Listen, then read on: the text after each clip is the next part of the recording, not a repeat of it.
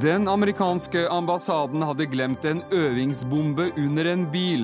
Nå krever byrådet unnskyldning og erstatning etter bombetabben. Regjeringen vil tvinge kjøpesentre til å ta betalt for parkering. Stalinistisk planøkonomi av verste sort, mener Frp. Færre kommuner er lønnsomt og får knapt konsekvenser. La tvangssammenslåingen begynne, oppfordrer Civita. Og fagbladet Journalisten, anonymiserte journalist, som begynner i PST. Største presseskandale i moderne tid, mener inforådgiver Jale Aabø.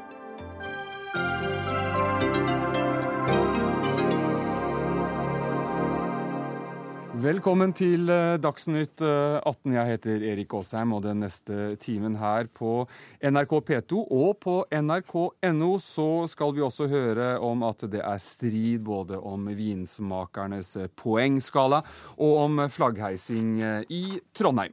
Men aller først til det som satte en støkk hos mange i dag. Klokka 11.22 i formiddag så gikk alarmen hos politiet i Oslo. En mistenkelig gjenstand ble funnet ved den amerikanske ambassaden. Alle nødetater var raskt på stedet, men det viste seg altså å være en øvingsbombe som stammet fra en eller annen øvelse ved den amerikanske ambassaden. Og, stabssjef i Oslo politidistrikt, eh, Johan Fredriksen, var dere informert om denne øvelsen til ambassaden?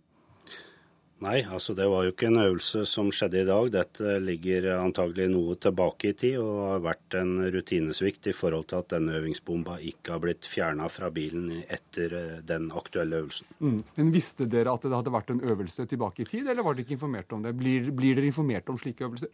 Vi blir rutinemessig informert om øvelser som vekker skal vi si, oppsikt for publikum, eller eh, berører tredjeperson, eller er en sånn karakter at vi skal vite det, i mm. form av at noen kan eh, sende inn meldinger. Mm.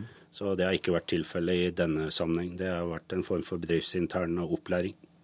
Men når man har en noe som ligner på en bombe ute i, i, Oslos gater, så er det vel kanskje naturlig å, å varsle politiet om det? Dette er jo en menneskelig svikt, så dette er jo ikke noe som man har gjort eh, vel vitende. Dette er noe de sikkert gjerne skulle vært foruten, og som de ikke har vært klar over før deres eget personell eh, avdekka det i en rutinemessig kontroll i forbindelse med innpassering på ambassaden. Så slik sett så har jo vaktmannskapene gjort det de skal. Mm, vi skal høre litt senere hvordan, hvordan øvelsen, eller hvordan, hvordan, beredskapen var i dag. Eh, eh, men først til deg, Stian Berger Røsland fra Høyre, du er byrådsleder i Oslo. Eh, du mener USA nå bør kompensere for denne tabben. Hvorfor det? Jeg, først har jeg bare lyst til å si at jeg syns politiet og nødetatene har gjort en veldig god, godt stykke arbeid i dag. Og sikret området, gått inn. Det var jo uklart og uttrykt hva som kom til å skje. Men det er noe med at det skaper mye praktiske problemer for folk. T-banene, trikkene, bussene har stått. Eh, nødetatene har rykket ut. Politiet har vært der. Brann- og redningsetaten har vært der. Og jeg mener at det er eh, i og for seg menneskelig å gjøre feil fra tid til annen. Men da må man si det som det er. Så må man be om unnskyldning, og så må man gjøre opp for seg. Og det syns jeg er et godt prinsipp. og det syns jeg amerikanerne også burde følge, eller ambassaden også burde følge i denne saken. Har du fått noen unnskyldning fra den amerikanske ambassaden? Nei, eh, så langt så har vi ikke hørt så mye fra dem. Men, eh, men, jeg antar at de sitter og arbeider med hvordan de skal håndtere saken. Jeg tror vel at eh, det fornuftige å gjøre i en sånn situasjon er å si det som det er. Og så be om unnskyldning, og så si at vi skal gjøre opp for oss på en eller annen måte. Ja, USAs ambassade ble også invitert hit, men, men takket nei. Den eneste kommentaren så langt det har ambassaden sendt ut på på Twitter, og der står det We are safe and sound. Appreciate a quick and professional response by Norwegian emergency personnel to the situation earlier today. Det er ikke mye selvkritikk å spore i denne, denne meldingen. Nei, det er ikke det. Men, eh, men, de understreker også det poenget som jeg var inne på, nemlig at uh, nødetatene her i dag har gjort en, eh, en veldig god jobb og, og sikret områdene. men Heldigvis var det ikke noe problem i dag, men det er jo slik at det er jo ikke noe mer enn eh, en litt drøy uke siden vi markerte at eh, det har gått et år siden 22.07. Det satt mennesker fast i dag eh, i T-baner under bakken og hadde fått beskjed om at det var en bombetrussel. Mange ble redde i dag. Mange kjente på frykt i dag. Tillegg kommer alle de praktiske problemene, i tillegg kommer de økonomiske problemene. Så dette er ikke en liten sak, og den kunne vært unngått. Hvor mye kan erstatningskravet fra Oslo kommune komme opp i? Altså, hva, hva vil dere kreve i kroner og ører? Nei, Det har vi ikke begynt å tenke på enda, Og det er ikke sikkert at vi kommer til å fremme noe sånt krav heller. Men jeg syns at uh, altså, amerikanerne er Amerikanske ambassaden er, og amerikanske myndigheter av USA er blant våre beste venner. Venner må kunne snakke ærlig om, og redelig om ting. Og de må kunne si fra til hverandre når ting er galt, og de må kunne gjøre opp seg imellom. Ja, så Vi får se hva ambassaden sier etter hvert. Men kommentator i NRK Knut Magnus Berge, dette må være en pinlig sak for den amerikanske ambassaden? Det tror jeg det er liten tvil om. Og jeg tror også at det er folk på den amerikanske ambassaden som kommer til å sove relativt eh, dårlig i kveld. Eh, så at det er pinlig, ja. Om eh, det igjen kommer til å materialisere seg i en unnskyldning, eventuell erstatning, det gjenstår å se. Store områder rundt ambassaden ble altså sperret, og folk ble evakuert i dag. I hvilken grad har 22.07 påvirket måten etatene, også mediene, i dag reagerte på en slik situasjon?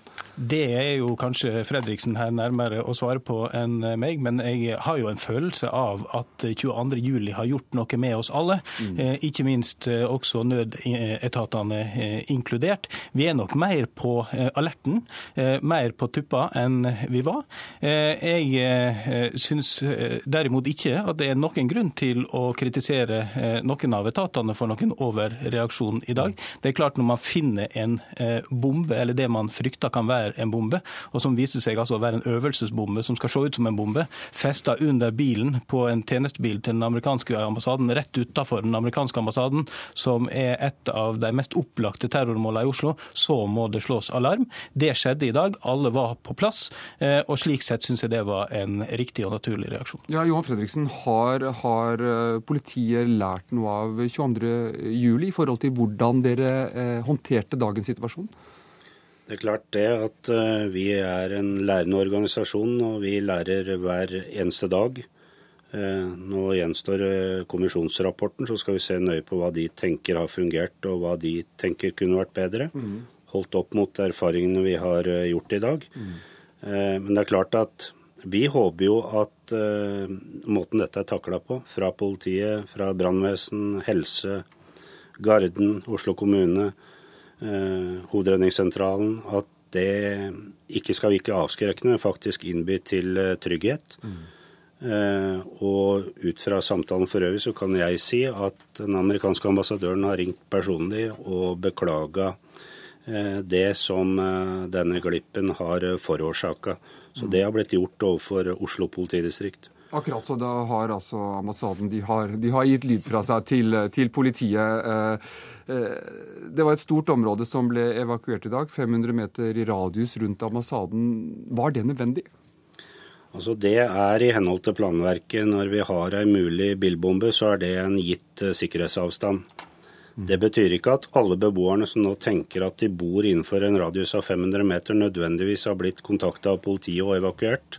Det har noe med hvor denne bilen står, uh, mulig skal vi si, sprengvirkning, uh, i hvilken retning går kreftene her.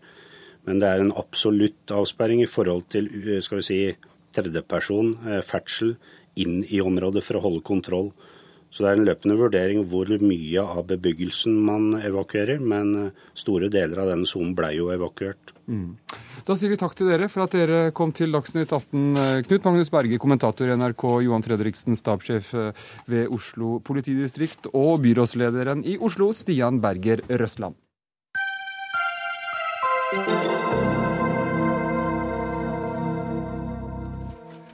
Gratis eh, parkering på Ikea og kjøpesenter rundt omkring i landet, det kan bli historie. De, de rød-grønne vil nemlig gjøre det mulig for kommunene å tvinge kjøpesentrene og private grunneiere til å ta betalt for parkering. Og Gjermund Hagesæter fra Fremskrittspartiet, du er også nestleder i kommunalkomiteen på Stortinget. Hvordan vil du karakterisere dette forslaget? Jeg vil definere dette her som et stalinistisk planforslag av verste sort. Her går man altså i inngripen i den private eiendomsretten. Det er ikke bare kjøpesenter som skal pålegges å innføres parkeringsavgift, det er også bedrifter. Arbeidstakere kan bli, altså bli pålagt av kommunen å måtte betale parkeringsavgift når de parkerer på arbeidsplassen der de skal jobbe. Mm. Så dette syns jeg er ille.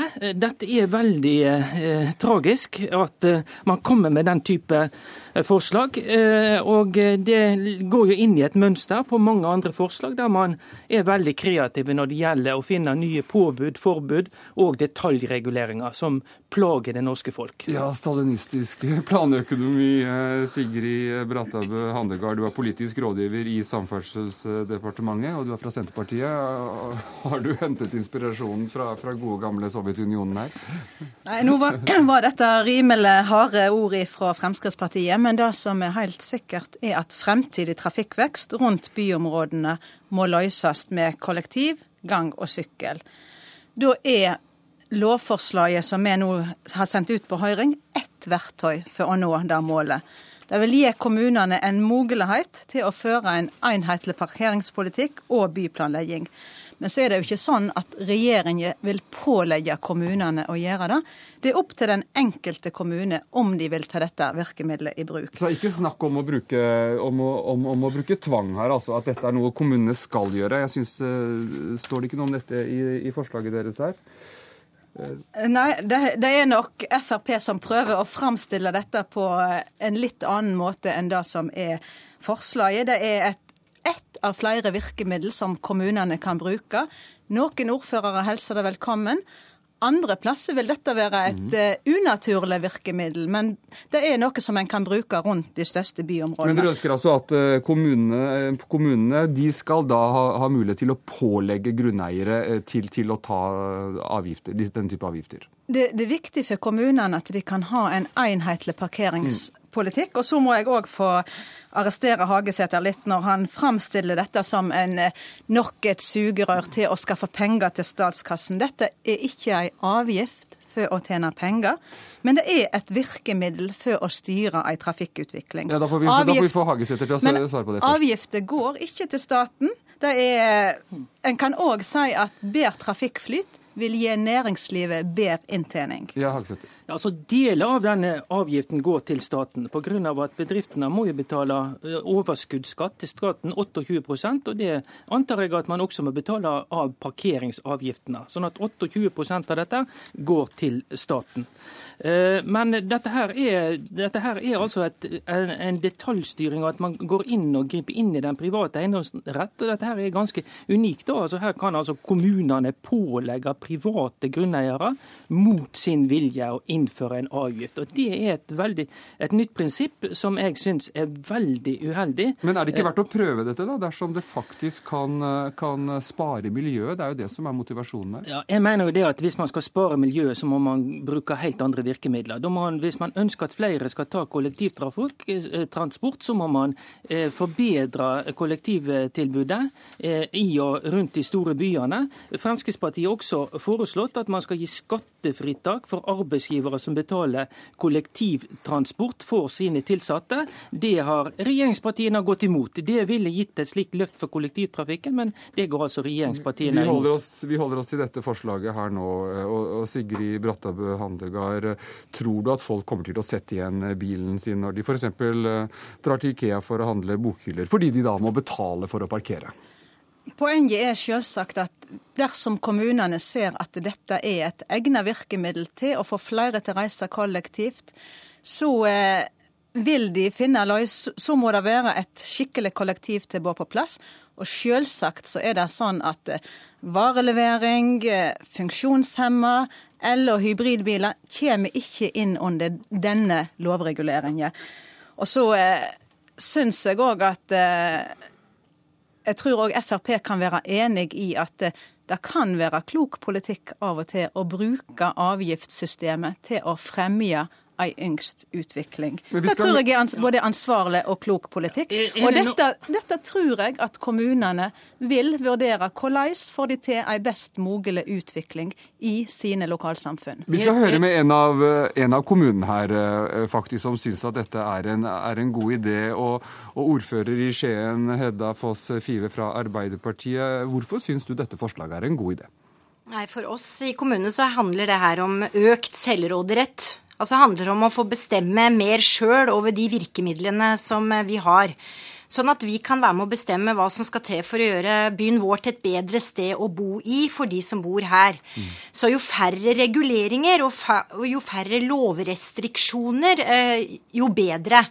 Eh, så for oss eh, så var det her et velkomment tiltak, og vi ønsker gjerne flere. Sånn at vi kan eh, i kommunale organer med alle partiene representert diskutere da hva som er de ønska tiltaka. Så det her er et demokratitiltak, og jeg tror det kommer til å føre til et bedre miljø også. Og dette må jo også bety økte, økte inntekter i kommunekassa? Ja, allerede i dag så har vi jo parkeringsrestriksjoner på de kommunale parkeringsplassene. Det er ikke veldig mye penger, eh, men noe er det. Og jeg tenker at eh, hvis det her går igjennom, så kan vi sammen med de private aktørene i Skien og grenlandsområdet sette oss ned og diskutere eh, hva kan vi gjøre for at dere syns det er ok og vi syns det er bra, og kan vi kanskje øremerke noen av de inntektene til type kollektivtiltak til gang sykkelveier, som også gagner de private kjøpesentra. Ja, dere er jo for, eh, for eh, den enkeltes frihet i Fremskrittspartiet, Gjermund Hagesæter. Og jeg hører du jo ordføreren si at dette gir mer frihet eh, til å ta sine egne valg ute i kommunene? Det gir kanskje økt frihet til lokalpolitikere og byråkrater. Da. Og Fremskrittspartiet vi ønsker økt kommunal selvråderett, bl.a. Eh, i forenkling av plan- og bygningsloven og, og redusere fylkesmennene sin rett til innsigelse når det gjelder kommuneplaner og reguleringsplaner. Men denne typen økt kommunal selvråderett, det ønsker vi ikke. Altså, dette er jo da en økt eh, selvråderett til å plage innbyggerne med nye avgifter, og det er noe Fremskrittspartiet vi har mer enn nok av fra før, så denne typen økt selvråderett det ønsker altså ikke Fremskrittspartiet. Men Nye avgifter, sier du. altså Det, det koster jo vanligvis å, å, parkere. så Her er det bare snakk om at det kanskje også skal koste på, ved, ved, et kjøpesenter. Eh, som igjen da kan føre til bedre kollektivtransport og bedre miljø. Ja, altså Man pålegger private grunneiere å innføre parkeringsavgift, selv om de er imot det. Og det skal skal da skje Vi hørte Skien her si at de, de, vil, de vil ja. ta det opp i samtaler, og at de blir enige om noe ja, med grunn, grunneierne. Men det, altså, I loven så trenger man altså ikke ta dette opp i samtaler i hele tatt. Kommunestyret kan bare vedta dette på et, eh, et verft, på en fiskeforedlingsbedrift, på en kjøpesenter osv. kan man bare pålegge eh, hvor mye at man må innføre parkeringsavgift, og hvor mye minimum man må ta i parkeringsavgift for de som skal parkere. Ja, for det står jo nemlig det i, i, hørings, eh, altså i, i høringsutkastet til, til, denne loven. For, forslaget er å gi kommunene myndigheten til både å kunne ta ifra offentlige, men òg private, for å legge til rette for ei yngst transportutvikling. Jo, men Det Frp reagerer på, er at, at de kan gripe inn overfor eh, private. Det er hovedpoenget her det, det, er for å kunne styre hvordan transport- og parkeringspolitikken i, en, i et lokalsamfunn skal være. Og Da er de kommunene, de som er nærmest problemene, de beste til å kunne vite hvordan det skal gjøre. Men eh, Hedda Foss Kive, ordfører i Skien. Eh, du, du sier at du, du, du, vil diskutere dette med, med, private grunneiere. Men tror du noen vil klappe i hendene om det f.eks. blir altså man, du, man, at man skal må begynne å betale for å parkere på Herkules-senteret eh, i Skien f.eks.? Nei, det er aldri populært med avgifter, så det tror jeg ikke. Men jeg, tror, jeg ser i dag at det er forskjeller. Det er noen kjøpesentre som har eh, parkeringsordninger, og så er det andre som ikke har. Det er noen, noen eh, private gårdeiere også, de er en del av bildet, de også. Eh, hvis vi kan få en mer helhetlig parkeringspolitikk, så tror jeg også folk eh, setter pris på det, blir mindre forvirra, for det er ganske forvirrende med alle de ulike ordningene. Og sist, men ikke minst, hvis vi skal greie å nå alle de her klimamåla som som sentrale myndigheter setter for oss, og det vil vi gjerne være med på å hjelpe til med, men da må vi ha virkemidlene. Vi kan ikke bli tredd ting over huet og, og møte hindringer hele tida. Og da fikk du siste ordet i denne runden, Hedda Foss Five. Du er altså ordfører i Skien fra Arbeiderpartiet. Takk også til deg, Gjermund Hagesæter fra Fremskrittspartiet, og Sigrid Brattabø Handegard, som er politisk rådgiver i Samferdselsdepartementet og er fra Senterpartiet.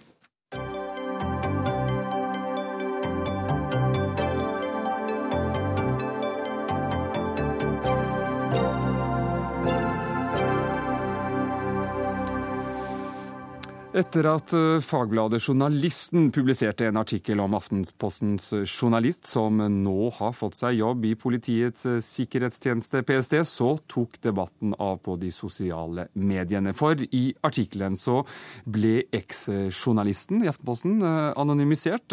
En av dem som ble provosert, det var deg, informasjonsrådgiver, og også tidligere journalist Jale Aabe. Og det første du valgte å skrive på journalistens kommentarfelt, det var da navnet på denne Scoop-vinnende Aftenposten-journalisten, og hvorfor gjorde du det?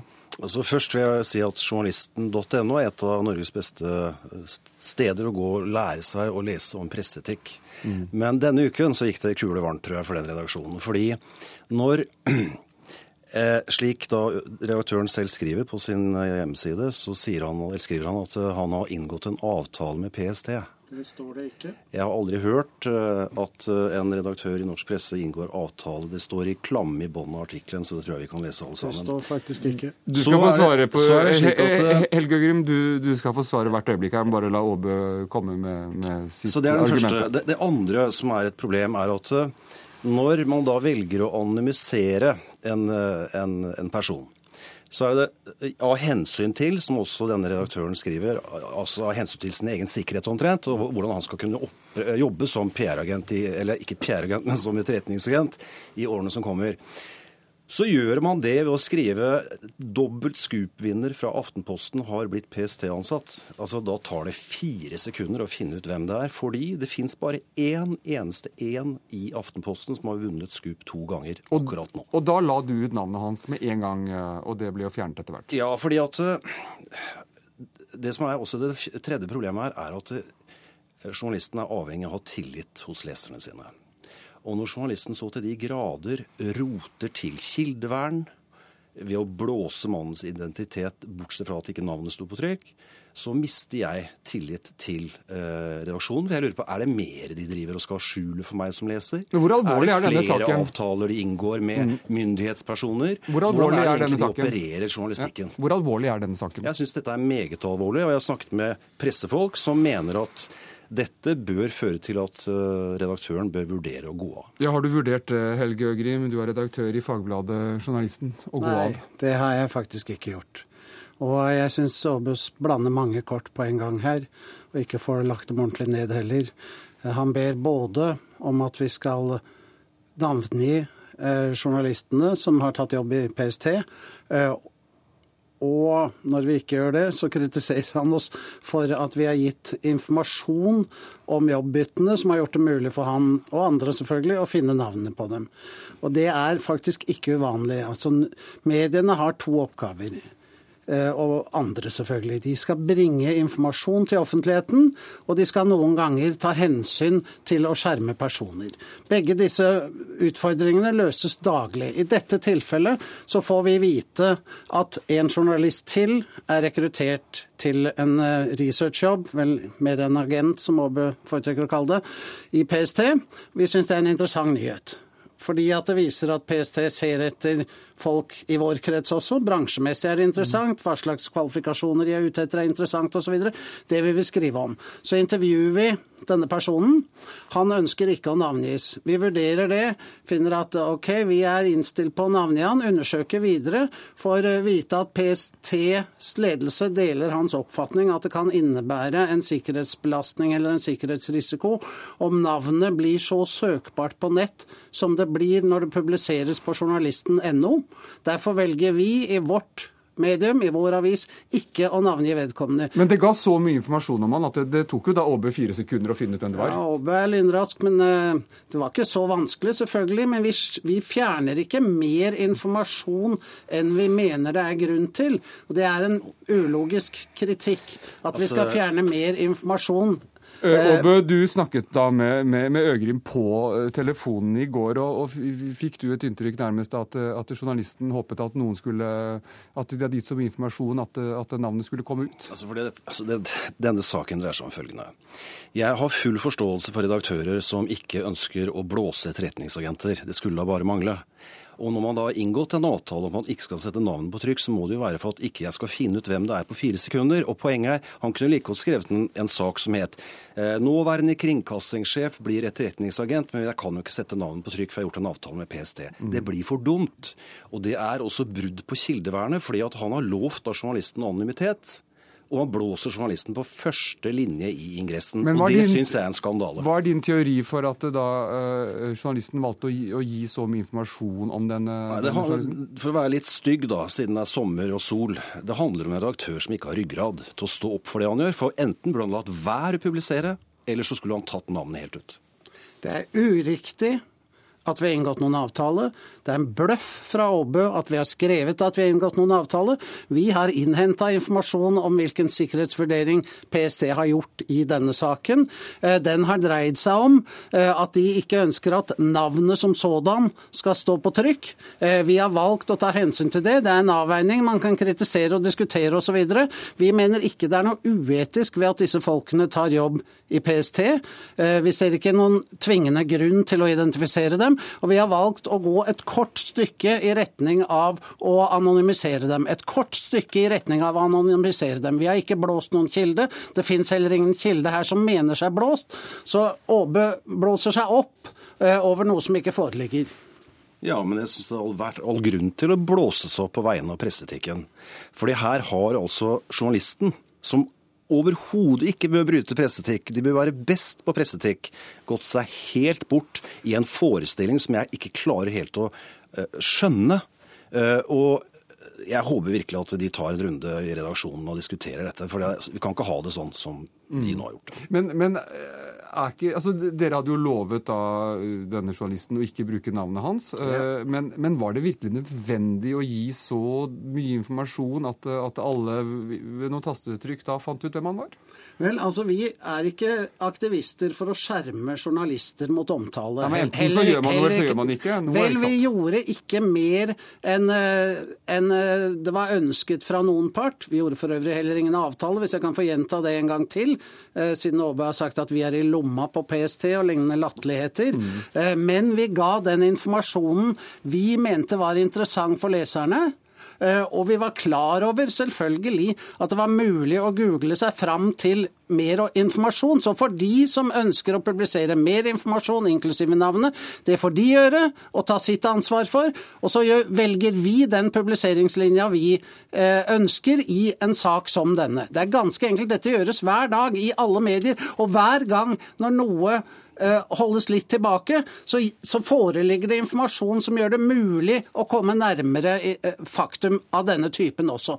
Men den enkelte redaksjon har ansvaret for den informasjonen den legger ut. Og så får Åbe ta ansvaret for sin tvitring og sin navngivning osv. på egen hånd. Ja, hvordan reagerte du eh, da Åbe valgte å legge ut navnet på denne journalisten? Det tok jo en stund før det ble fjernet? Det tok en liten stund før det ble fjernet. Det var, ja. jo, altså det Men hvordan reagerte du på det? Jeg reagerte ikke sterkt på det, for jeg visste at det ville skje. Eh, at, navnet, eller at det kunne skje, at navnet kunne komme ut i sosiale medier. Jeg tar ikke ansvar for hva alle andre gjør med den informasjonen vi publiserer, med mindre den er ekstremt sensitiv. Denne informasjonen din... var ikke ekstremt Nei, sensitiv, men, men, vi valgte å ta de hensynene. Ja, Men navnet kom jo ut på bakgrunn av den artikkelen dere hadde skrevet, fordi dere la jo opp til det. Helt klart, Hadde vi overhodet ikke skrevet noen artikkel om at pressefolk tok jobb i PST, så ville det selvfølgelig vært enda mindre risiko. risiko. En dobbelt scoop-vinner i Aftenposten, det er bare én en av den. Og derfor synes jeg, og det han sier her, da, at dette er et vanlig norsk presse, det her er veldig uvanlig i norsk presse, ellers hadde jo ikke jeg sittet her. Mm. mm. Men du, Åbe, altså, du, kunne du ikke latt uh, dette navnet være i fred? Hvorfor var det så viktig for deg å, å, å, publisere det? Det var for å vise hvor dårlig redaktørvurdering Helge Øgrim gjorde i denne artikkelen. Og eh, en dobbelt scoop-vinner fra Aftenposten, det er kun én mann. Da sier vi takk til dere to, Jarle Aabø, eh, informasjonsrådgiver, og redaktør i Fagbladet, journalisten Helge Øgrim.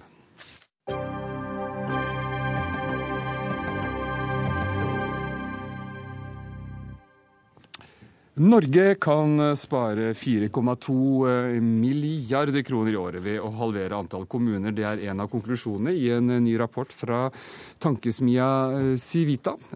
Og denne rapporten er det du som har skrevet, Ove Vanebo. Du er nå rådgiver i Civita, og du er også tidligere formann i Fremskrittspartiets Ungdom. Hvor er det disse fire milliardene kan spares inn? Det er litt forskjellige steder. Ehm, noe kan du få til gjennom stordriftsfordeler, ved at det kanskje er større sykehjem eller større barnehager, eh, hvor du da trenger å ha én stor bygning fremfor eh, to små. Eh, noe går på kutt i, rådmann og politikere. Men jeg tror nok særlig det er innenfor administrasjon det går an å ta en del. For det er begrensa mye administrasjon du trenger, og da kan du gå Altså du kan disponere mye friere og bedre. Mm. Hvor mange kommuner trenger vi? Det er jo et veldig godt spørsmål, men eh, jeg tror at det bør være en målsetting for oss å um, få minst 5000 innbyggere i hver kommune. Mm. Fordi det er et ganske viktig knekkpunkt for eh, når stordriftsfordelene begynner å, å fungere. Så hvis du har under 5000 innbyggere i en kommune, så er det, det koster veldig mye mer. Eh, så det bør være en målsetting. Så vil mange sikkert si at det er kanskje litt lite med 5000 innbyggere, men da skal man huske at over halvparten av landets kommuner har under 5000 innbyggere. Men hvor mange kommuner snakker vi om da, hvis vi begynner å telle litt? Jeg vil tippe altså, et sted mellom 200 og 250 150 vil jeg mene er eh, et, et passende antall. Mm. Da får du gjort noe særlig med det aller minste. Eh, og det må være det viktigste for å kunne spare penger og gi folk et bedre og mer profesjonelt eh, velferdstilbud. Men det som mange har reagert på i dag, Wambo, det er jo at, at du og Civita tar til orde for bruk av tvang. Hvorfor er det nødvendig? fordi det er nødvendig. Eh, konsekvensen av å ikke gjøre det, den ser vi i dag. Det skjer ingenting. Og all erfaring fra Finland, Sverige, Danmark viser også at man må ha et ris bak speilet, ellers så vil man ikke få utført noe. Mm. Så bare for å ta, vise dette veldig tydelig i Norge, da.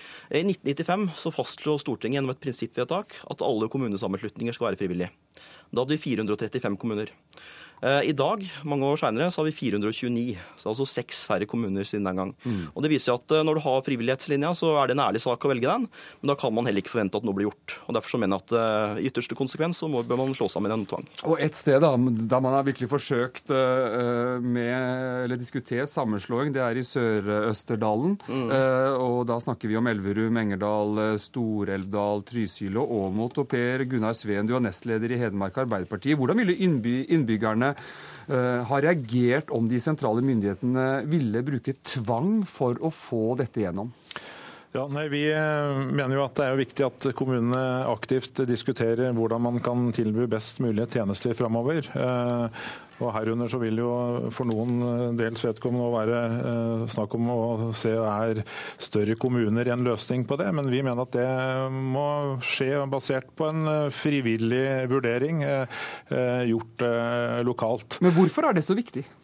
Det er jo Vi mener at en, det at man på en måte kommer med et kommunekart og liksom slår ned det som en tvangstrøye, er lite gunstig i forhold, til, i forhold til løsning eh, og utvikling av velferdssamfunnet vårt. Eh, for det første så er det jo slik at vi mener at de som eh, For dette handler egentlig om å på si Nesten hovedpoenget med kommunen er jo å tilby gode tjenester for, for innbyggerne. Og, mm. og, det mener vi er viktig at de som sitter nærmest, er, har, er best til å vurdere det. En annen ting er jo at eh, de økonomiske effektene er heller ikke så åpenbare i alle sammenhenger.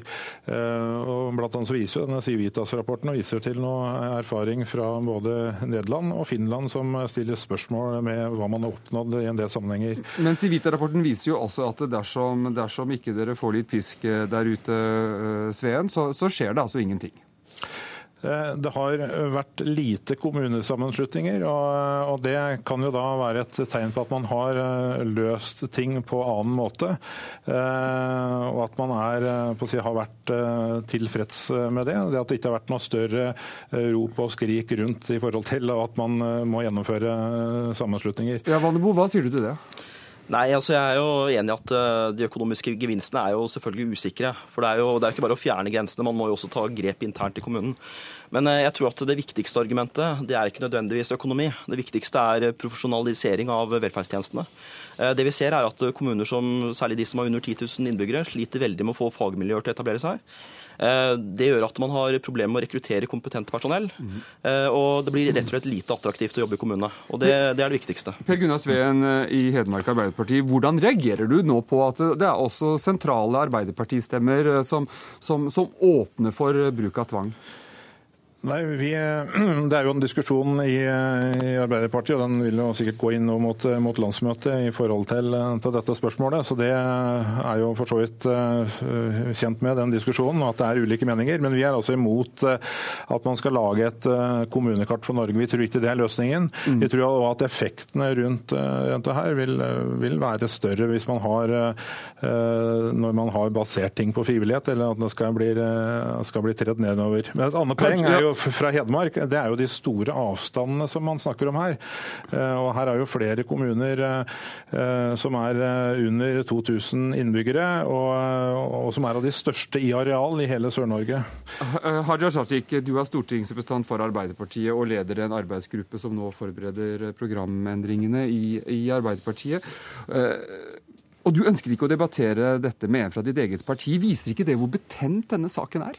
Nei, jeg ønsker alle stemmene fra Arbeiderpartiet hjertelig velkommen i denne diskusjonen. Og jeg synes jo også, altså, Stemmene fra Hedmark illustrerer jo at det er ulike synspunkter på dette i Arbeiderpartiet. Mm. Og Derfor må vi òg ta denne diskusjonen da framover mot, uh, mot, landsmøtet. Men hvorfor åpner du uh, for at tvang også kan være en løsning? Altså, Vi ser i dag at mange små kommuner strever med å ha sterke nok fagmiljøer, strever med å rekruttere eh, altså flinke fagfolk innenfor eh, sentrale velferdsmessige altså velferdstjenester som eh, kommunene skal tilby. Vi ser, eh, For å ta ett eksempel fra Vestlandet.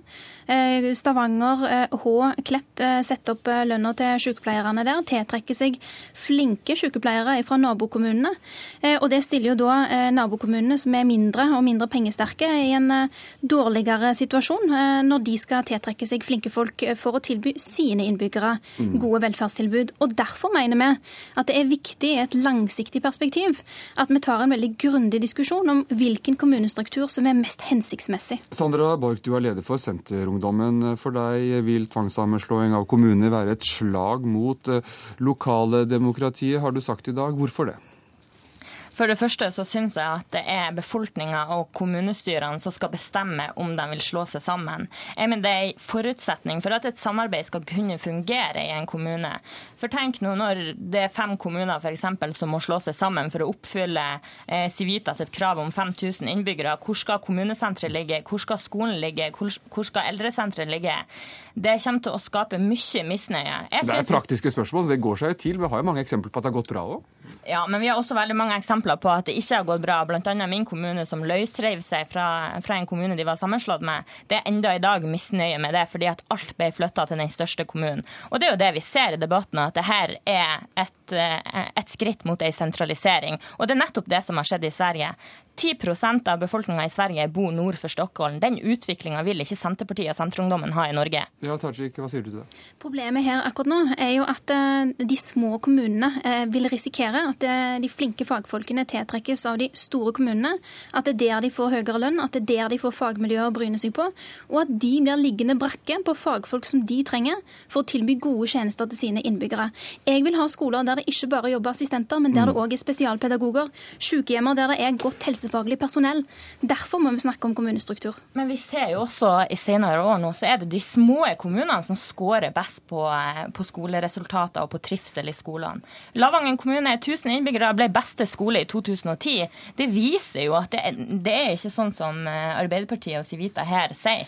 Utdanningsdirektoratet har sjøl sagt eh, at de aller minste kommunene er de som skårer dårligst på nasjonale prøver og er svakest på å følge opp resultatene fra de nasjonale prøvene og fra elevundersøkelsen. Men det som er poenget her nå, det er at altså, det er ingenting som vil glede meg mer enn om flere kommuner sjøl tar initiativ til å slå seg sammen med nabokommunen. Men vi ser at det, altså de siste tiårene så har det skjedd veldig lite på det området der. Det vi da må diskutere, er hvilke virkemidler må til for at kommunene i større grad skal slå seg sammen. Ja, Man har et pedagogisk problem her, eh, Ove Vanebo. Eh, å måtte forklare lokaldemokratiene eller lokalsamfunnene at det er best at dette fra, bestemmes fra, fra, fra Stortinget? Nei, det, det, spørs litt hvordan man gjør det. Eh, bare for å gjøre det helt klart. Jeg og Civita er ikke tilhengere av å, å tegne kart på nytt. Eh, det vi tror derimot er fornuftig, er å si at eh, innen så og så mange år så skal man slå seg sammen. Og så får kommunene selv velge hvem de har lyst til å slå seg sammen med. Mm. Hvis det da ikke skjer, eh, etter mange belønningsordninger og den, og den, fristen, da mener jeg man bør gå inn. Men det å tro at man skal, skal tre en sånn A4-løsning, det har jeg ikke noe tro på. Også, mm, ja. Ja, og så må man også huske at Alternativet her er jo ikke at ting er som i dag. Når det er såpass stor utflytting som man ser også med en rød-grønn regjering, så blir fort alternativet at staten overtar flere oppgaver. Og det vil jo i hvert fall legge bånd på lokaldemokratiet. Ja, Sandra Borch, du er enig i at vi kanskje har for mange kommuner i Norge?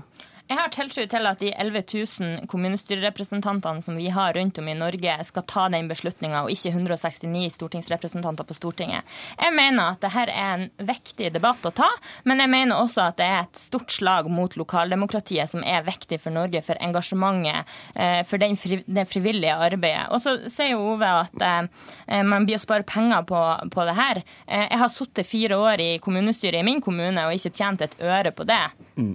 Kommunal Rapport gjennomførte en undersøkelse eh, blant eh, lokalpolitikere og spurte de om eh, hva de syns om kommunesammenslåing. og Da viste det seg at sju av ti lokalpolitikere er for kommunesammenslåing. Og Det vi må diskutere da, er hvilke virkemidler må til for at de skal få det til lettere. Ja, For de klarer kan... ikke å ordne opp i eget, eget hus, rett og slett. Så da trenger man en, en, en, si, en, mor i hovedstaden som forteller hvordan de skal rydde opp. Det kan i hvert fall ikke være sånn at enkeltkommuner som motsetter seg samarbeid, selv om det er nabokommuner som gjerne vil samarbeide og som igangsetter nødvendige prosesser, at de skal ha vetorett på å stanse noe som er viktig ut ifra eh, altså regionale hensyn og hensynet til lokale, altså de lokale innbyggerne der. Men jeg vil gjerne understreke én ting, og det er en uenighet jeg har med Civita. og det er at De understreker eh, effektivitetshensyn, eh, og at de altså ønsker, altså man, man ser en sparingsgevinst her.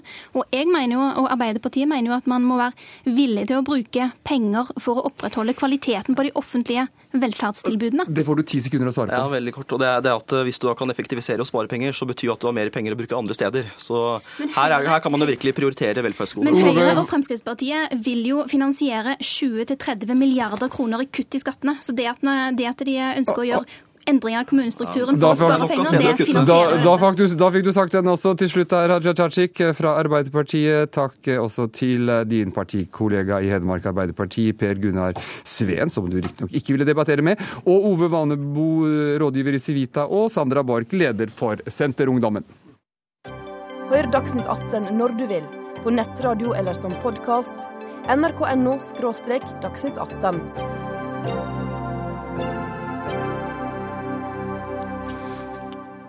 Utstillingen Sammen ved Trondheim kunstmuseum handler om menneskelige fellesskap. Med 22.07 som utgangspunkt i den anledning, så har det norske flagget blitt byttet ut med et rødt flagg på museets flaggstang utenfor. Og, og dette er gjort for å inkludere eh, flest mulig. Det er iallfall begrunnelsen. Flere har reagert på dette. En av dem er deg, kunstner Håkon Bleken. Hva er problematisk med dette?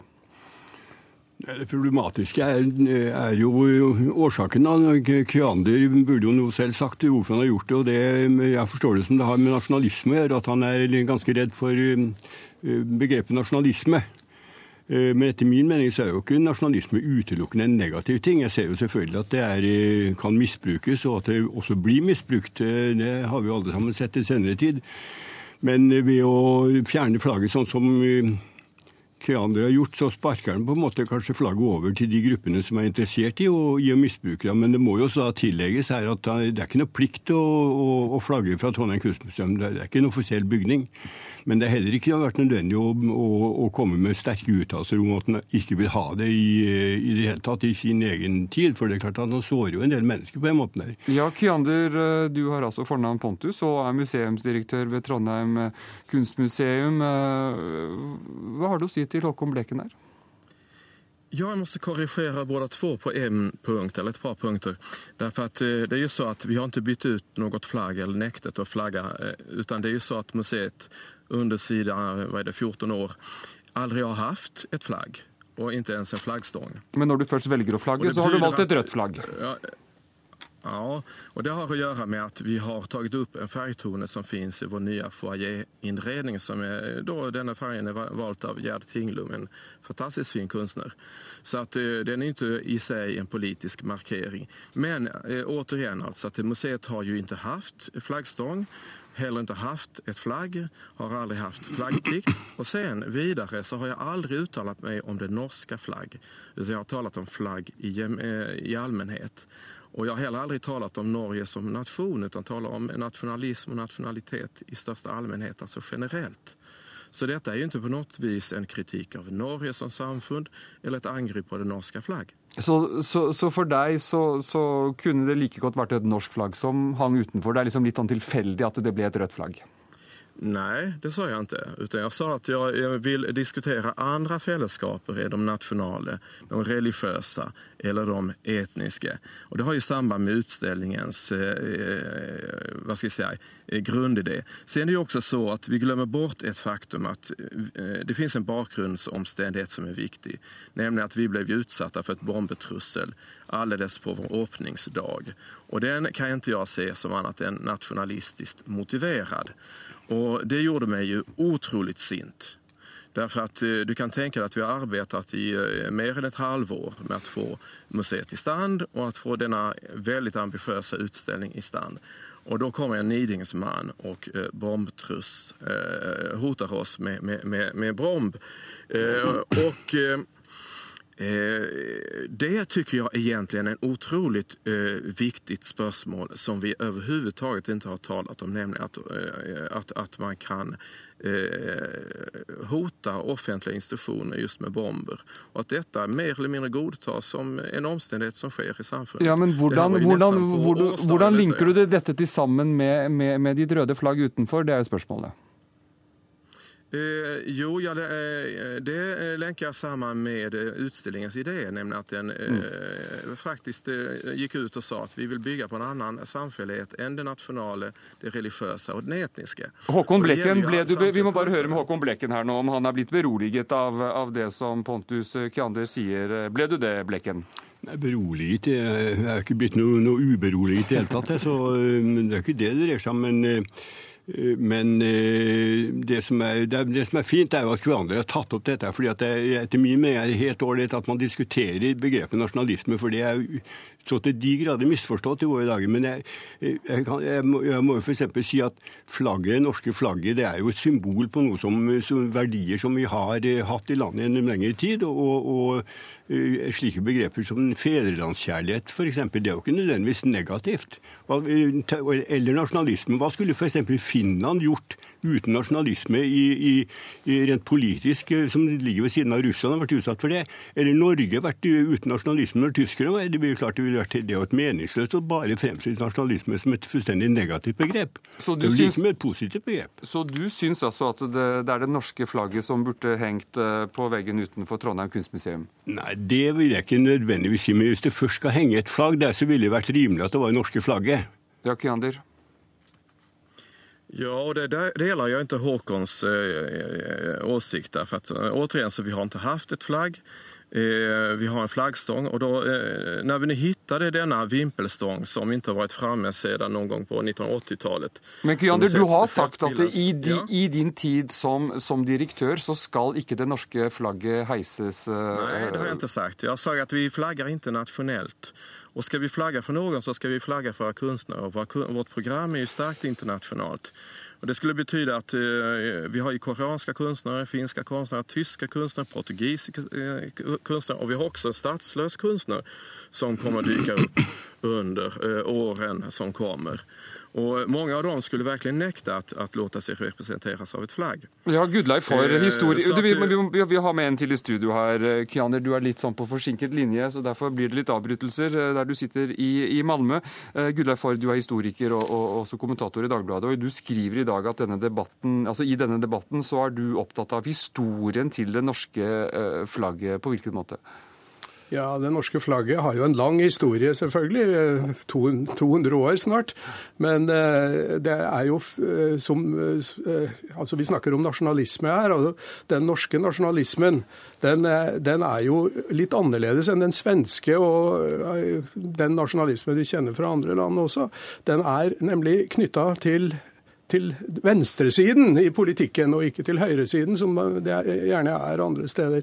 Altså, øh, Forholdet til flagget f.eks. Ble, ble det rene norske flagget, da, uten den svenske sildesalaten, som vi kalte det, den, øh, det, det, det ble knytta til øh, demokratiseringen av Norge og til kampen mot unionen med Sverige. Mm. Så der fikk man jo da håvet inn iallfall den venstre siden av borgerskapet, altså i, i byene da, og bøndene.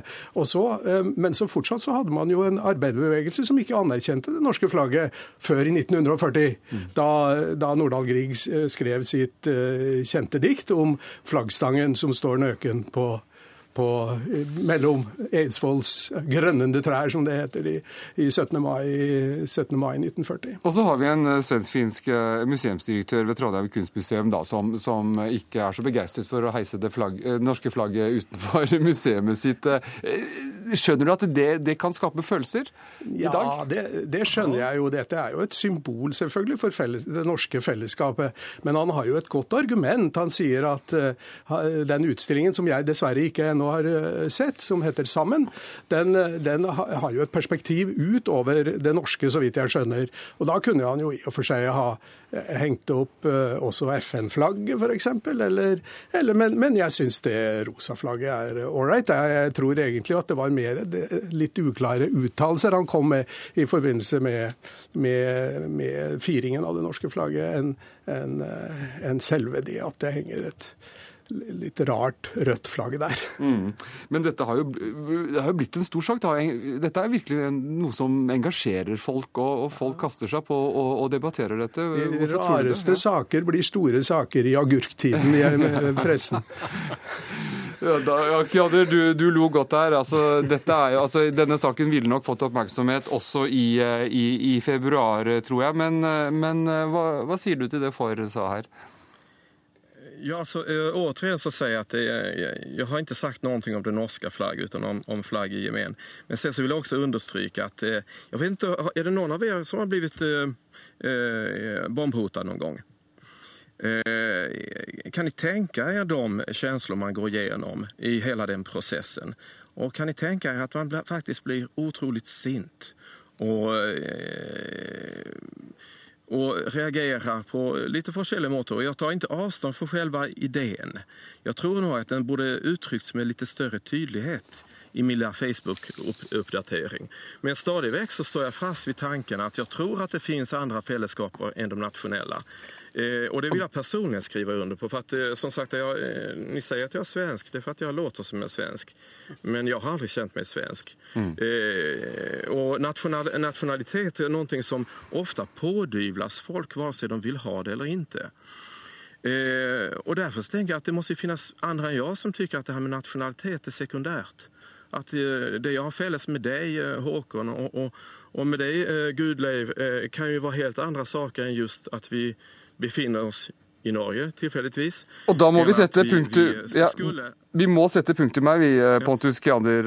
Eh, beklager at jeg måtte avbryte deg. Du er altså museumdirektør ved Trondheim kunstmuseum. Takk også til Gudleif for historiker og, og, og, kommentator i Dagbladet. Og til deg, kunstner Håkon Bleken, som satt i Trondheim.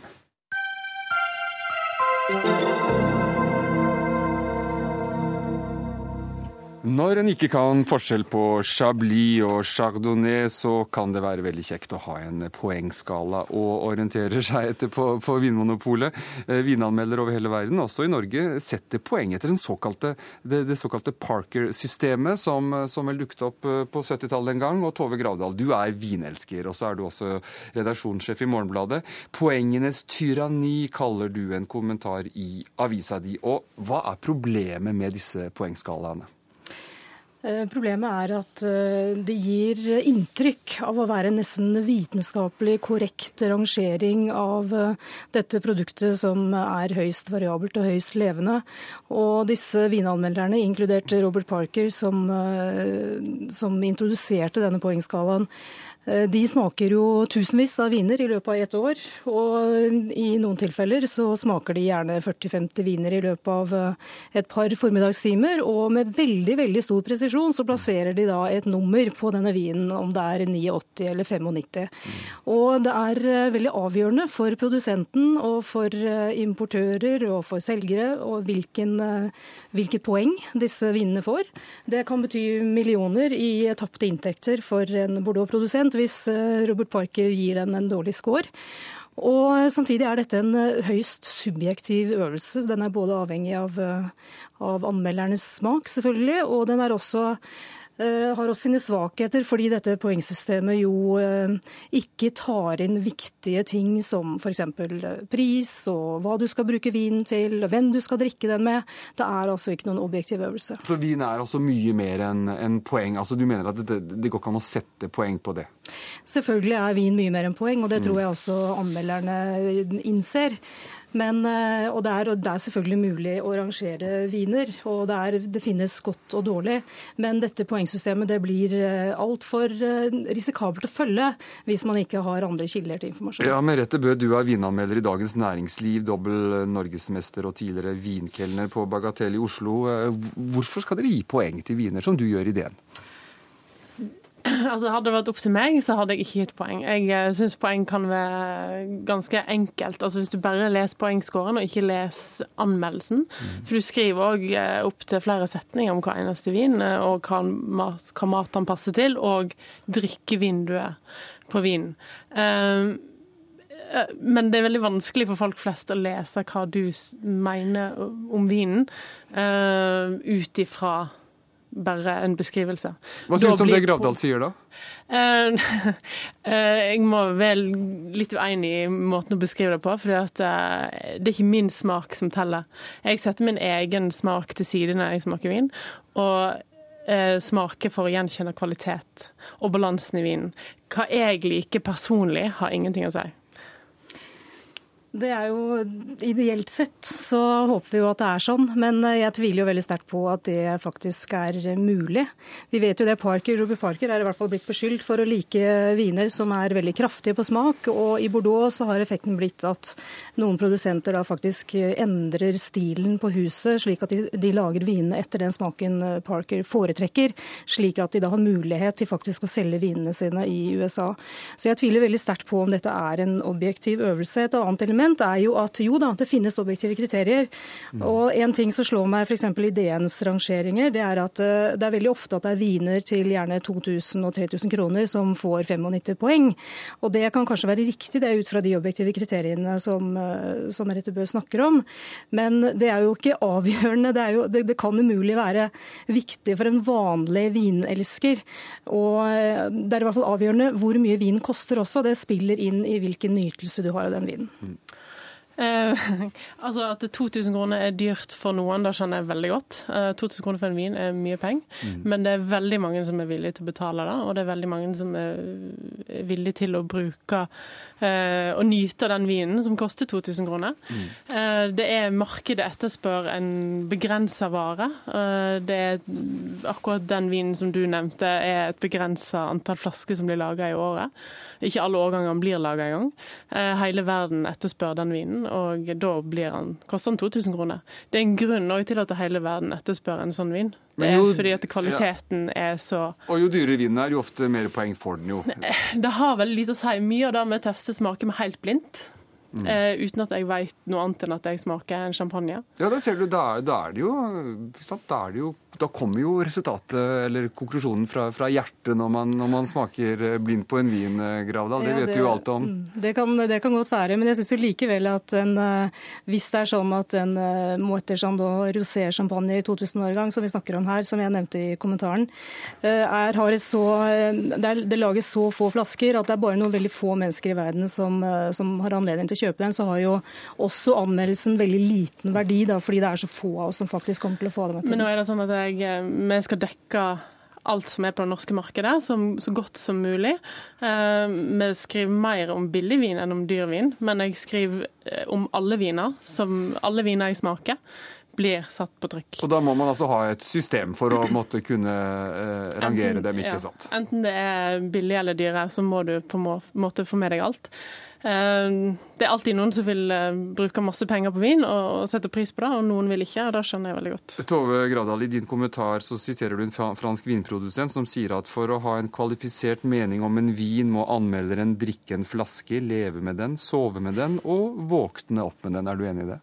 Ja, selvfølgelig. Det er jeg langt på vei enig i. Og hadde jeg vært vinprodusent, så tror jeg jeg hadde vært ganske fortvilet over å bli utsatt for disse anmelderne som bruker kanskje da fem minutter i løpet av en dag til å, plassere et tall på vinen som de har brukt kanskje år på å lage. Mm. Og så er det avgjørende for hvor mye den vinen selger. Syns du det er en god måte å, å, å, vurdere en vin på, det som denne vinprodusenten sa her? det gjør det litt vanskelig for meg å, å smake 15 000 viner i løpet av et år, i hvert fall, hvis jeg skal sove med alle. Ja, det... Men, eh, men, det er jo litt sånn at eh, når du har en lang erfaring eh, Jeg har jobba med dette i tolv år. Blant annet rosé-sjampanjen som har blitt utgitt i 21 årganger. Jeg har smakt samtlige. og da har du en erfaring som ligger til grunn for, for din uttalelse òg. Det er ikke bare tatt ut av det blå. Takk for at dere kom hit til Dagsnytt 18. Vår sendetid er over. Ansvarlig for sendingen det var Dag Dørum, Dørum teknisk ansvarlig Lisbeth Sellreite, og jeg heter Erik Aasheim.